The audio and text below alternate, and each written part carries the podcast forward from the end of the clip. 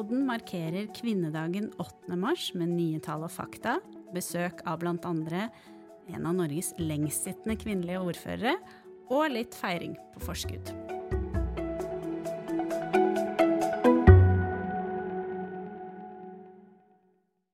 Velkommen til Der livet leves. Jeg heter Ida Slettevold. Og siden vi markerer kvinnedagen, så er det jeg som har fått lov til å lede denne podkasten i dag. Og med meg har jeg med meg eh, min utmerkede tekniker Margit. Senere så skal vi avsløre hva kommunene Horten, Hamar, Larvik og Loppa har til felles. Men aller først så skal jeg ha en prat med min kollega Amna Veledar du er utdanna jurist og seniorrådgiver i KS, og har fagansvar for likestilling, diskriminering og mangfold for arbeidsliv. Hjertelig velkommen. Tusen takk. Det er altså flest kvinner som jobber i kommunal sektor. 75 eh, av årsverkene i KS-området utføres av kvinner, og kvinner dominerer særlig helse- og omsorgssektoren. Stemmer ikke det, Amna? Jo, det gjør det, og det reflekterer også en generell trend som vi ser i mange, mange andre land. Og så vet vi at det har gått i riktig retning de siste årene. Lønnsgapet mellom kvinner og menn har minket. Og vi har noen sånne ferske tall fra vårt eget lønnsregister, PAI. Hva sier de siste tallene? Hva, vi er nå i 2024, og hva er status? Ja, eh, kvinnenes lønn som andel av menns lønn er på 94,6 eh, i kommunal sektor. Noe som er relativt høyt sammenlignet med andre sektorer. Og det er jo bra. Eh, og så kan man tenke at det ikke er et stort lønnskap. Mm. Eh, men det vi ser, er at det lønnskapet, det siste lille veien til eh, en full likestilling mellom kvinner og menn på dette området, at, det, at, vi ikke helt klarer å tette det. Og det har mhm. stagnert litt, og det går veldig, veldig sakte her nå, helt i sluttspurten. Og det har jo selvfølgelig veldig mange årsaker til det. Ja, hva, hva er egentlig Vet vi noe om hva som er årsakene til det? Ja, det, det, er jo veldig mange eh, forklaringsfaktorer her. Eh, men det største, vil jeg si, er jo det kjønnsdelte arbeidsmarkedet. Eh, kvinner jobber i kvinnedomin typisk kvin kvinnedominerte yrker, mm. og da især i helse- og omsorgssektoren. Mm. Mens menn jobber i typisk mannsdominerte yrker, som ofte også lønnes bedre. Og mm. det er nok hoved, hovedproblemet. At kvinner altså trekkes mot typiske kvinneyrker, og menn mot typiske mannsyrker. Mm. Mm Og så Det er jo selvsagt kanskje at alle kommuner og fylkeskommuner bør jobbe med likestilling, men eh, vi vet jo også at det er en plikt de har etter eh, loven. Og nå er dere i gang med en, en eh, ny rapport og skal prøve å kartlegge hvordan kommunene jobber med disse pliktene. Hva vet dere så langt? Ja, eh, men først vil jeg si at eh, ja, likestilling er ikke noe eh, man frivillig skal gjøre. Det er en plikt, og det mm. er bra, fordi vi vet jo historisk sett at likestilling kommer ikke av seg selv. Det mm. må tvinges litt frem også. Og vi har jo en veldig robust likestilling- og diskrimineringslov. som vi er veldig glade for, alle sammen. og så har vi noen plikter som pålegges til arbeidsgivere i den loven. Eh, disse pliktene kalles for aktivitets- og redegjørelsespliktene, noe som betyr at arbeid, norske arbeidsgivere skal jobbe aktivt og planmessig med likestilling på arbeidsplassene. Eh, for et par år siden så, så ble disse pliktene forsterka, og vi fikk også noen nye plikter uh, inn her. Uh, og dette er de såkalte lønnskartleggingspliktene, uh, hvis formål er å tette lønnsgapet mellom kvinner og menn. Um, vi har sett på hvordan kommunene opplever disse pliktene, uh, og det gjøres veldig, veldig mye bra der ute. Men, uh, og det kan jeg avsløre nå uh, litt sånn i forkant, er at vi ser at disse nye lønnskartleggingspliktene er vanskelige for kommunene å gjennomføre. Uh, og det står ikke på viljen, uh, men det står på uh, Det handler om kompleksiteten av disse pliktene. Og vi ser at de er ikke tilpasset kommunal sektor i tilstrekkelig grad. Mm. Uh, og kommunene sliter veldig med dette. Og det er veldig uheldig, for da får vi ikke et uh, klart og realistisk bilde av hvordan kommuner jobber med å tette lønnsgapet mellom kvinner og menn. Og det er uheldig. Mm, jeg skjønner. Men, men, utover det, hva gjør da KS for å, for å hjelpe kommunene med det som er, er krevende, men også for å, for å bedre likestilling da, i kommunal sektor? Hva er det viktig å ha oppmerksomheten på? Ja, altså KS jobber jo på, på, veldig mange felt, og vi jobber jo veldig aktivt eh, bl.a. for å gjøre heltid til normen. For vi vet at heltid er en viktig faktor for å eh, få til likestilling i arbeidslivet. Eh, og her jobber vi jo med utviklingsprogrammer, med veiledning av kommunene. Eh, vi har forskning som vi setter i gang. Vi driver stadig med politisk påvirkningsarbeid. Eh, vi samarbeider med fagforeninger, og så driver vi informasjonskampanjer. Eh, og for å nevne noen av de KS-prosjektene som, eh, som, setter fokus på, på heltid, så er det jo prosjektet Tørn, som veldig sikkert veldig mange kjenner til. Mm. Jobbvinner, Menn i helse, for å nevne, nevne noen få. Ja. Tusen takk for at du var med i podkasten Der livet leves. Og så må vi jo bare si Eh, takk til alle kvinner som eh, jobber i kommunal sektor og bærer jo kommunens eh, tjenestetilbud på mange måter på, eh, på sine skuldre. Takk. Vi skal over da til lokalpolitikkens verden. Og inn i studio har jeg fått storfint besøk av forsker Signe Bock Segård, en av våre fremste eksperter på likestilling og kvinner i lokalpolitikken, og Lene Konradi, som går i gang med sin femte periode som ordfører i Asker kommune, og er dermed en av Norges lengstsittende kvinnelige ordførere. Hjertelig velkommen. Takk skal du ha. Tusen takk. Vi skal starte med å, å spille av en liten passasje fra NRK-programmet Makta, som har gått sin seiersgang på norske TV-skjermer denne vinteren motsetning til hos dere så handler det ikke hos oss bare om å fokusere på meg, meg, meg. Vi er nemlig et fellesskap. Ja, men ærlig talt... Det... Alle ledere av Arbeiderpartiet har måttet gjøre det. Så det er ikke derfor jeg taper disse debattene. Selv om jeg ikke er enig i at jeg har tapt de heller. Eh, dette blir bare enkelt og greit et stort problem for meg fordi jeg er kvinne. Og her sier Gro Harlem Brundtland, da i skuespiller Katrine Thorborg Johansens skikkelse, at man er mer utsatt i politikken fordi man er kvinne. Og vi er jo i en annen tid, men med årsmøtet i Trondheim Arbeiderparti friskt i minne, der det har vært snakk om både kupp og rå maktkamp. Er kvinner i lokalpolitikken mer utsatt for hersketeknikker, hets og machokultur? Hva sier du, Signe? Jeg vil starte med å si at man skal være forsiktig med å, å snakke om lokalpolitik som én ting. Vi vet ved, at der finnes ganske mange kommuner i Norge. Lokalpolitikk Lokalpolitik er veldig lokalt. På samme måte er den politiske kulturen også veldig lokalt. Mm. Men at tradisjonelt så har lokalpolitik også vært præget av netværk, hovedsakelig mandlige netværk, og de har en tendens til å vælge seg selv. Sånn har det vært. men det er nok en historie, vi skal begynne å se litt fra, fordi vi ser jo også, at der kommer flere og flere kvinder ind i lokalpolitik. Vi ser også, der er forskel på generationer i mm. synet på, hvad politisk kultur bør og kan være. Så jeg synes, vi skal være forsigtige med at snakke om en macho-kultur generelt i lokalpolitik. Mm. Hva tenker du, Lene?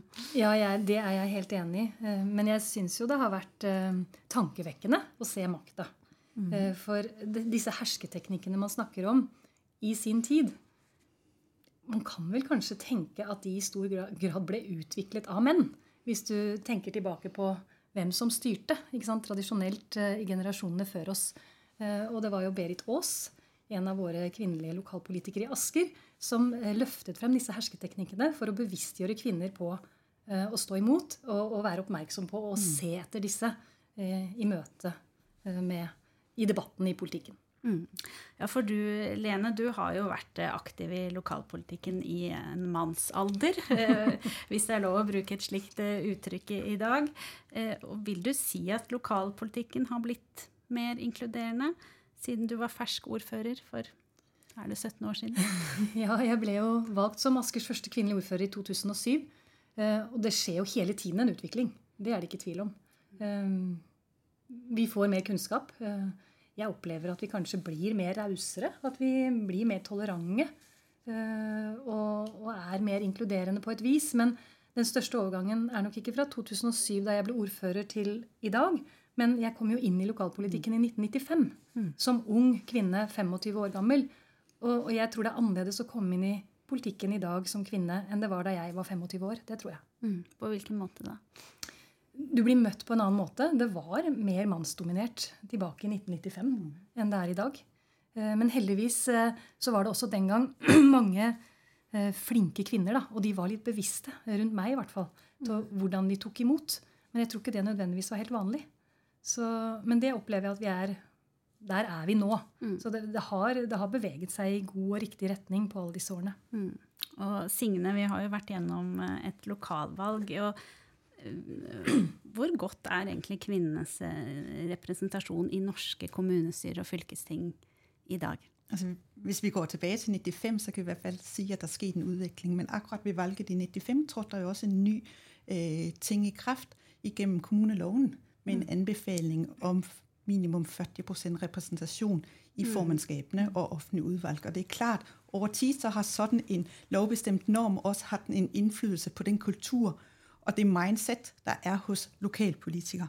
Men for å ta tallene, det kan vi gjøre eh, etter valget i, øh, i høst, så er det 41 kvinner på landsbasis i kommune, i kommune Norge.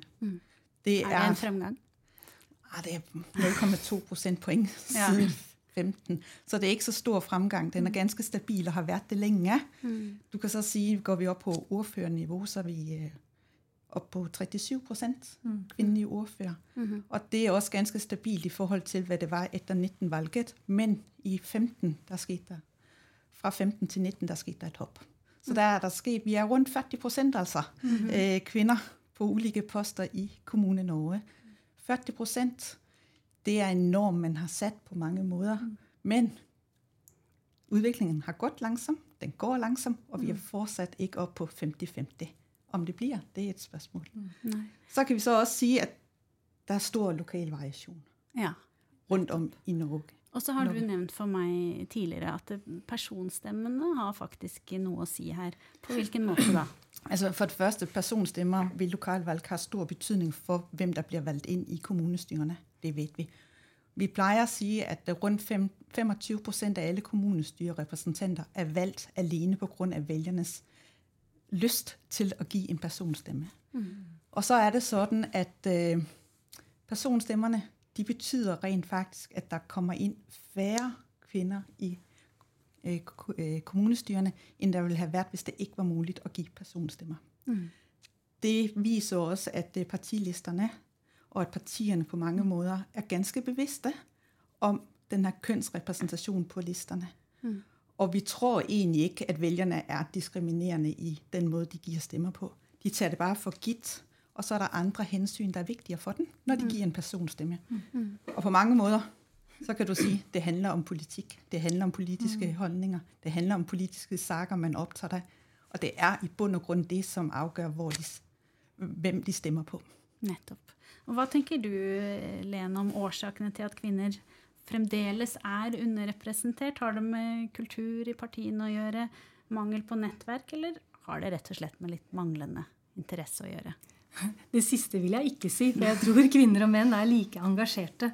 Eh, Så jeg tror det er veldig sammensatt. Det er liksom vanskelig å, å konkludere på noe. Men, eh, men tradisjonelt så, så har vel eh, kvinnene prioritert litt annerledes, kanskje. Dette med tidsbruk, sant? familie. Eh, Hva du må ofre for For dette er jo et frivillig engasjement for de aller fleste i lokalpolitikken. Så, så det kan være barrierer der, tror jeg, som, som kan være hindre, som vi også må jobbe med. Og synliggjøre eh, at eh, det faktisk lar seg kombinere, og det er mulig å være engasjert uten at det skal gå for mye utover familietid. Da. Men, men jeg syns også det er spennende med personstemmer, som vi snakket om for litt siden. At vi hadde jo kvinnekupp i 1972. Mm. Og det, det var en bevegelse som gikk da, og da tok jo kvinner et oppgjør med at uh, menn hadde sine nettverk og, og sørget for å, å si, bekle alle posisjonene i kommunestyrene. Uh, så de uh, organiserte seg på tvers av alle partier og fikk nettopp disse personstemmene og kom inn. Og det ble i Asker for første gang rent kvinneflertall. Så da hadde man jo nesten litt moro med at da var gruppemøtene på dametoalettet. ikke i partiene. For da fant kvinner den gangen, på 70-tallet, sammen om viktige saker. Familiepolitikk, eh, velferd. eh, Og fikk løftet frem det på en annen måte. Vi lever jo i en polarisert tid. Det er krig og konflikt på mange fronter, og Trump vinner frem i nominasjonsvalget i USA. Eh, hva tenker du, Signe, hva, hva gjør det med holdningene våre til likestilling?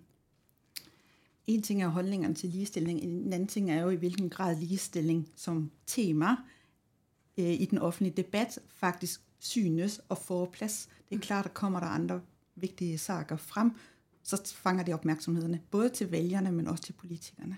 Mm. Så står vi nok i en liten sær, særstilling i Norge, for ligestilling er et offentligt tema. Det er et tema i politikken. Det er et helt naturligt tema at tage ind i ulike politikområder, når man snakker om, hvordan politik skal videreføres i fremtiden. Mm. Så jeg tror, vi i Norge skal oppfattes ganske heldige på det området. Mm. Og du kjenner jo særlig godt til, til Danmark. Er det, er det, store forskjeller på liksom, debatten og holdningen til likestillingen i Norge og Danmark? Altså Det som er litt eh, paradoksalt, det er jo at dansker har et eh, syn på seg selv som en kultur preget av frisinn, åpenhet og inkludering. Men altså tallene er jo ganske tydelige på at eh, kvinneandelen i lokalpolitikk i Danmark mm. er mye lavere enn det er i, i, Norge og i de andre nordiske landene. Og så ser vi jo også at eh, ligestilling som tema i den offentlige debatten Velgerne er mye mer lei det mm. tema. Politikerne de diskuterer det ikke på den måten som vi gjør i Norge tverrpolitisk. Det er mye mer øh, uenighet om i hvilken grad ligestilling er relevant innenfor alle politikkområder enn det vi er vant til her i Norge. Mm. Men eh, nå nærmer det seg altså kvinnedagen 8. mars, og vi feirer jo litt på forskudd eh, her i dag. Så jeg sier da på forskudd gratulerer så mye med dagen. Og så har jeg kjøpt inn noen eh, partyeffekter her for anledningen. Så det er det bare å, å ta i bruk. Vær så god. Eh, også for å komme litt sånn i, i festhumør, da. Eh, hva har vi egentlig å feire? Oh, Lene. Vi feirer modige kvinners kamp gjennom generasjoner før oss. Som har vist vei, og som har stått i mange eh, ja, vanskelige situasjoner. Eh, og som vi kan takke for at vi er der vi er nå, rett og slett. Mm. Og så er ikke kvinnekampen med det ferdig. I hvert fall ikke i verdenssammenheng. Eh, vi kan jo kalle oss ganske likestilt i Norge, tror jeg. Men, men fortsatt er det barrierer her også for å få kvinner opp og frem, f.eks. i lokalpolitikken. Mm. Mm. Hva tenker du, Signe? Jeg tenker vi skal feire at det ikke bare er en kvinnekamp, men at vi er kommet veldig langt i ligestillingskampen. Mm. Og der må vi også tenke at det handler ikke bare om kvinner, det handler også om menn. Mm. Og vi er kommet så langt at vi også tar inn det perspektiv både i den offentlige politikk, i den offentlige debatt, mm. og at vi har en romslighet i forhold til det. Så at ligestilling er på dagsorden, det bør vi feire. Mm. Og så er det en liten artighet at uh, dette med kvotering, som var et virkemiddel som jeg tror hadde en effekt, og fortsatt har en effekt, på likestilling, den går begge veier. Mm. Og i Asker så opplevde vi at vi måtte kvotere inn eller ut kvinner for å få nok menn mm. i vårt formannskap. Ja, nettopp. Det er et poeng. Og så vet vi, vi vet at det lønner seg da, for samfunnet med engasjerte kvinner. I samfunnet hvor kvinner bestemmer, kan helsa deres være bedre enn der menn er ledere. Og det gir også bedre muligheter for demokrati, forsoning og fred. Er det slike effekter også for lokalpolitikken, tror dere? Jeg tror det der er viktig i lokalpolitikken, det er at det er en åpenhet for mange ulike syn. Mm. Og så er der jo den her øh, Har du ulike interesser? Har du ulike erfaringer? Mm. Der er der også mulighet for å få inn ulike perspektiver. Og at kønn også er viktig i den sammenheng, naturligvis. På like fot som etnisitet kan være viktig, geografisk tilhørighed osv. kan være viktig. Så vi må se kønn i et større perspektiv også i den forbindelse. Mm. Mm. Det er jo litt skummelt å si at eh, kvinner f.eks. er fredeligere enn menn. Mm. Men det er jo noe i det allikevel. Um, og det er en bok som er skrevet som heter 'If Mayors Ruled the World'. Mm. Og på kvinnedagen pleier jeg å, å, trekke frem at man kunne jo tenke seg 'If Women Ruled the World' mm. i forhold til fredsperspektivet. Det var jo en veldig fin avslutning, men jeg må til slutt spørre dere hva tenker dere at skal til da, for å få enda flere kvinner til å engasjere seg og nå helt til topp i lokalpolitikkens maktposisjoner? Jeg var litt inne på dette med å legge til rette på en god måte i forhold til tidsbruk. Når møter er, hvor lange møter er. Eh, være veldig obs på hvordan det offentlige ordskiftet er. Dette med hets eh, det rammer jo både kvinner og menn. Men det kan hende kvinner rett og slett vegrer seg mer for å påta seg politiske verv fordi det er eh, mer utbredt enn man liker. Da. Så det å være bevisst på det, men kanskje først og fremst å dimensjonere oppgavene sånn at det er mulig å engasjere seg uten at det tar all tid. Ja. Og, og støtte opp om, eh, om kvinnene de unge. Jeg tror egentlig heller vi skal snakke om den yngre generasjonen enn bare kvinner. Fordi mm. det handler om politisk erfaring. Mm. Nå er du jo en som har lang politisk erfaring og har trådt frem som en rollemodell for mange kvinner, og det er viktig.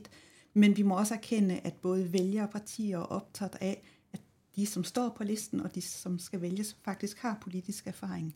Og det krever noe. Det krever en politisk selvtillit også, mm. som vi må være med til å, å gi både de unge kvinner og de unge menn. Og det har jeg også en liten kommentar til, for det er helt riktig. Jeg kan huske tilbake da jeg skulle bli valgt som gruppeleder for mitt parti. Eh, og da ble det brukt mot meg at jeg hadde ingen ledererfaring. Mm. Eh, og så var det en eldre mann som gjorde comeback, og som noen ønsket. Og det var faktisk kvinnene som var de verste der. Mm. Mm. Eh, men det endte noe med at jeg ble allikevel gruppeleder, og jeg spurte meg selv og jeg spurte forsamlingen når skal man da få den ledererfaringen hvis ingen gir deg den. Så det er et veldig godt poeng. Da kan vi jo avslutte med å sende en hilsen til eh, alle unge kvinnelige folkevalgte der ute. Fortsett å engasjere dere, og tusen takk til dere for at dere var med i podkasten. Takk. Det er på tide med vår faste spalte med nye ordførere, og da kan vi jo avsløre hva kommunene Horten, Hamar, Larvik og Loppa har til felles. Jo, de har nylig alle valgt sin første kvinnelige ordfører. Åsa Helgesen var Norges første kvinnelige ordfører. Hun ble valgt i Utsira i 1925, og i dag er vi så heldige at vi har med oss Kristina Maria Bratli.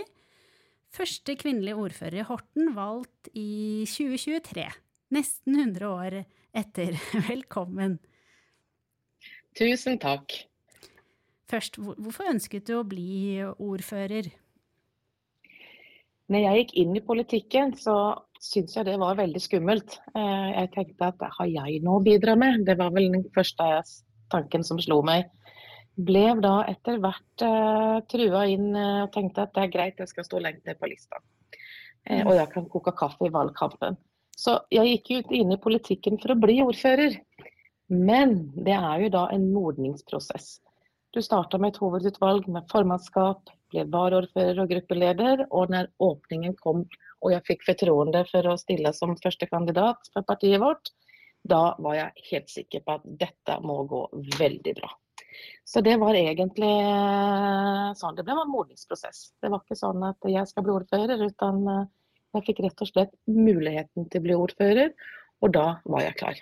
Ja, nettopp. Og det har jo eh, gått ganske bra også, har det ikke det? Eh, men spørsmålet, det det. spørsmålet er hvordan har det gått med kvaliteten på rådhuskantina, nå som du har blitt eh, ordfører? Og du vet jo det at det er veldig mange unnværlige personer i verden. Eh, og de ligger, mange av dem ligger på kirkegården. Så, så det fins alltid en som kommer etter. Og kvaliteten i kantina er fortsatt av ypperste klasse. Så det er godt ivaretatt. Jeg spiser der ofte. Ja, nettopp. Men eh, for å være litt mer eh, alvorlig, da, hva, hva, er de største utfordringene dere står overfor i Horten kommune? Det er som i mange andre kommuner rundt om i landet, det er jo å få pengene til å strekke til. Til å, å klare å, å få ja, no, nok penger til alt vi driver med. Det er jo krevende for mange, og også for Horten. Ja. Og, og siden det snart er 8. mars, Eh, hva tenker du du skal til for å få flere kvinnelige ordførere i Norge?